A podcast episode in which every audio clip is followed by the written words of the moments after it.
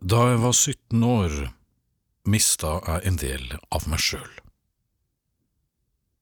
Det var ikke store biten, den var rundt regna én kvadratcentimeter stor, men den hadde vært en rettmessig del av meg i 17 år, og nå lå den blodig i utslagsvasken.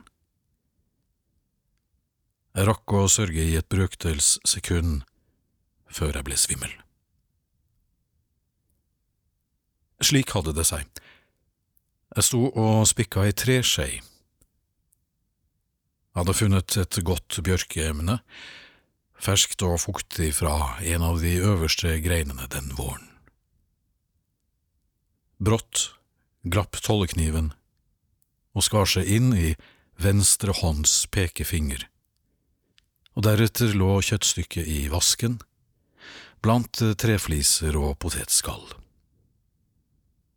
Som sagt, sorgen, svimmelheten. Det blødde avsindig. Jeg grep en oppvaskklut, men den blødde gjennom. Så skifta jeg grep til T-skjorta, men den trakk bare mer blod. Og uten at jeg i dag helt kan gjøre rede for hvordan, så satt jeg i ei drosje på vei til akutten. På legekontoret sa de Dessverre, herre, det er ingenting vi kan gjøre. De sto rådville i hvite frakker på linoleumsgulvet og mumla. Og deretter så surra de fingeren med noe plast fra felleskjøpet. Gjør man en slikt fortsatt? Og de ringte ambulansen i bygda, som kom fra en bygdefest med en kar som hadde tatt tidlig kveld. Og dette var en vakker vårkveld, det kan jeg bare si. Sykehuskorridorene, med sine sprinkelsenger og bekkener på bord langs veggene, lukta jern og mild såpe, husker jeg. Fingeren dunka, og jeg tenkte, ja, nå er jeg spent på opplegget. Og det kom en lege, det kom to. Den eldste av dem var snakkesalig, sa at dette skulle han ordne, han hadde lært noe på et seminar. Han henta noe i et skap, ei eske. Det var en høvel, ny fra fabrikken. Han pakka den ut. Skal vi se, sa han og bretta ut bruksanvisningen. Jaha, sånn var det, ja. Gjør ham klar, sa han. Og den andre legen, som var taus og virka blodfattig og trett, ga meg ei sprøyte i venstre albue.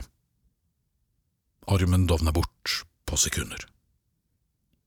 Den snakkesalige la ut om været og våren, tok brått tak i den venstre armen min, satte høvelbladet på skrå og høvla vekk et stykke kjøtt og hud fra overarmen.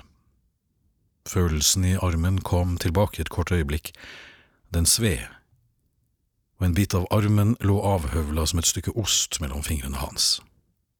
Og for andre gang den dagen så var jeg avskåret et stykke fra meg sjøl.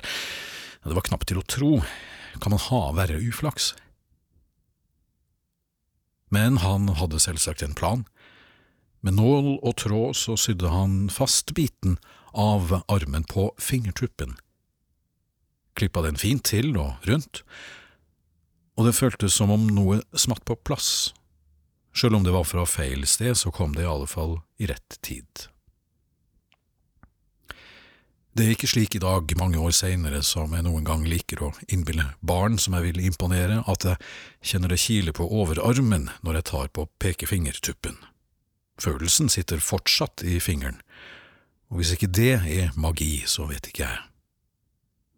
Hva som derimot er sant, deler av denne teksten er i bokstavelig forstand skrevet med venstre hånds overarm.